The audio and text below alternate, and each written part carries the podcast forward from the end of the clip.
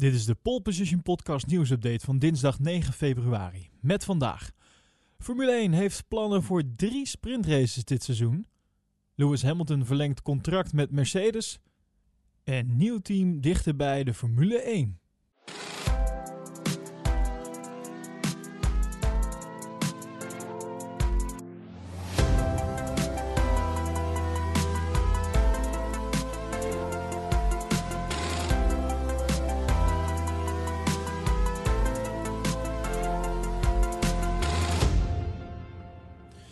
Formule 1 die is uh, vastberaden om dit seizoen drie sprintraces in te voeren. Zo onthulde Racing News 365. En het uh, heeft zelfs al drie mogelijke Grand Prix op het oog waarbij in plaats van één, twee races zullen worden verreden. Een sprintrace en een hoofdrace. En het moet allemaal als test fungeren, zodat de sprintraces vanaf 2022 tijdens meerdere raceweekenden terug kunnen komen. Nou, het is een idee dat voor het eerst boven kwam drijven in de zomer van uh, 2019. Destijds dachten de Formule 1-bazen de kwalificatie tijdens enkele raceweekenden te kunnen vervangen door een sprintrace, waarbij de startopstelling zou worden bepaald aan de hand van de omgekeerde WK-stand. Dit jaar moeten de sprintraces dus daadwerkelijk op de kalender komen, en daar gaat over gestemd worden.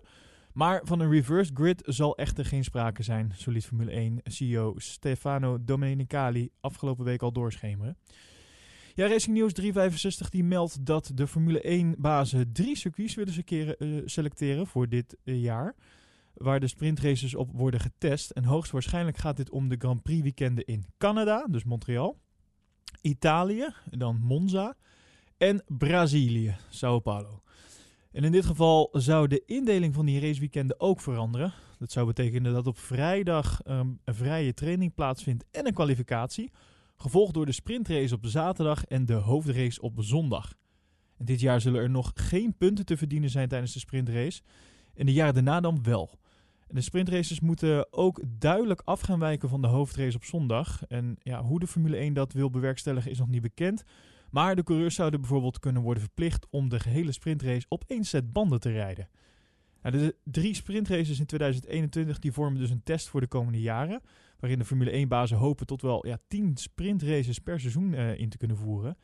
En op die manier moeten extra races op de kalender komen. En ja, terwijl daarvoor niet extra locaties voor moeten worden ingeschakeld. En het voegt dan ook weer meer waarde toe aan sommige raceweekenden. En er kan dus ook weer meer geld worden gevraagd aan de promotors die tijdens hun Grand Prix weekend zowel een sprintrace als een hoofdrace willen. En aanstaande donderdag wordt er door de betrokken partijen vergaderd over de invoering van de drie sprintraces in 2021. Wel moeten er waarschijnlijk nog diverse reglementen worden aangepast om de sprintraces al dit jaar mogelijk te maken. En hierover wordt dus donderdag gesproken. Ja, en ik ben heel benieuwd uh, wat jullie mening is hierover. zijn jullie voorstander van sprintraces of juist niet? Laat het vooral even weten in ons Slack-kanaal. Uh, de link daarnaar kan je vinden in onze bio van onze Instagram, at polepositionnl. En um, ja, laat het dus eventjes weten. Wat, wat vind je ervan? Uh, sprintraces goed idee? Of zeg je, nou, vind ik een heel slecht idee? Ik ben heel benieuwd naar jullie mening.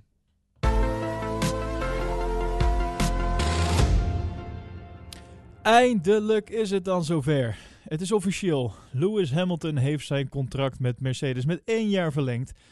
De wereldkampioen die eh, blijft dus nog één seizoen langer actief bij Mercedes en uh, zal op gaan naar zijn achtste wereldtitel. En ja, laten we eerlijk zijn, de enige logische optie voor Hamilton was ook gewoon om in 2021 te gaan racen voor Mercedes. Het team is uh, sinds 2014 uh, uh, dominant in de Formule 1. Ja, en de kansen van Lewis om te slagen in zijn missie om die achtste wereldtitel binnen te slepen, ja, die zijn eigenlijk alleen maar op dit moment het hoogst bij Mercedes. Maar ondanks dat duurden die onderhandelingen ja, toch wel erg lang, echt maanden. En er zijn nog wel steeds vragen rondom de bekendmaking van zijn eenjarige verlenging. Want waarom slechts een deal voor één jaar? De twee vorige deals die Hamilton en Mercedes sloten, waren beide voor drie seizoenen. En Hamilton die gaf recent nog aan dat hij nog enkele seizoenen in de Formule 1 wilt rijden. Maar met een eenjarig contract en, en dus ook die lange onderhandeling hierover, geeft het aan dat het niet zeker is dat Mercedes ook na 2022 met uh, Lewis door wilt gaan. Toto Wolf die zei het volgende over. De Formule 1 die staat op een kruispunt met de nieuwe regels in 2022 die uh, zullen ingevoerd worden. En Mercedes wil zien hoe het bedrijf en de wereld zich ontwikkelt tijdens de coronapandemie. Ja, teambaas Toto Wolff die liet ook al weten dat Hamilton water bij de wijn heeft moeten doen. Hij zei erover, het zijn zware tijden voor de auto-industrie en de rest van de wereld. Ja, en hij ging daar eigenlijk verder niet zo heel erg op in. Ja, binnen Mercedes zou er wel veel weerstand zijn om het salaris van Hamilton van 40 miljoen dollar.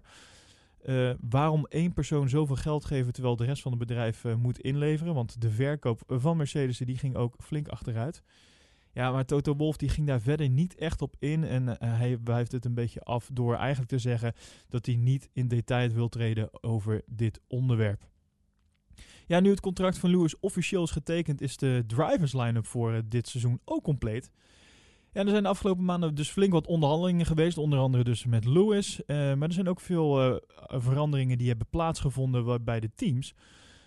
Allereerst zijn er bij de teams dus uh, wat veranderingen te zien wat betreft Renault, die een metamorfose is ondergaan en zal het komend seizoen door het leven gaan als Alpine team.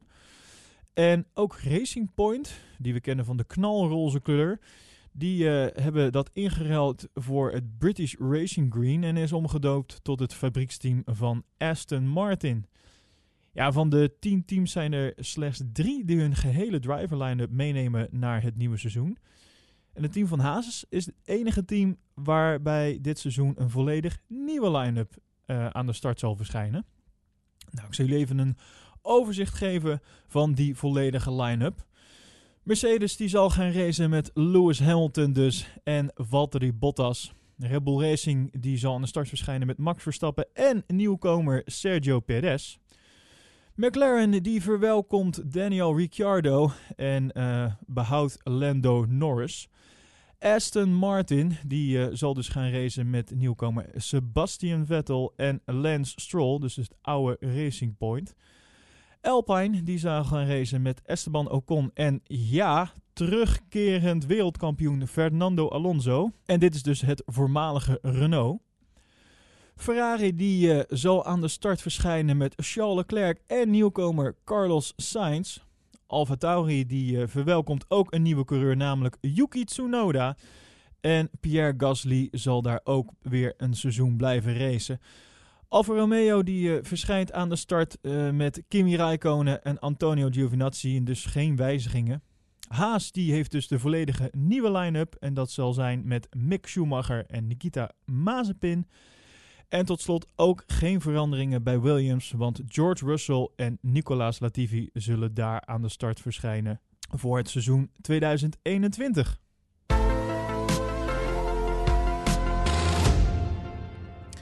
Ja, we hebben het al eerder gehad over Audi die terug wil komen in uh, de Formule 1. Maar er schijnt ook dus een nieuw team dichtbij een uh, komst naar de Formule 1 te komen.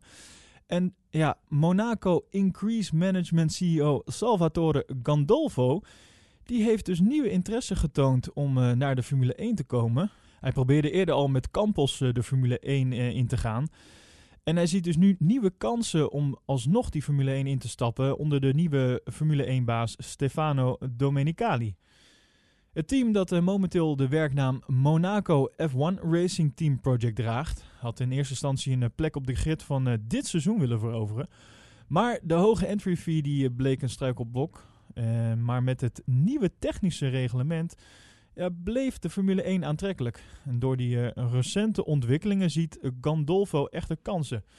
Ze zeggen, we geloven dat recente uitspraken van F1-baas Stefano Domenicali, waarin hij suggereert dat de entry fee van 200 miljoen kwijtgescholden kan worden, een stap in de goede richting kan zijn. We waarderen de open houding van Stefano en de FIA en zijn klaar om de stappen te ondernemen om onze aanvraag in te dienen. Al dus Gandolfo. En wellicht zien wij dus een nieuw team en ze verschijnen ergens in de komende jaar, twee jaar, in de Formule 1.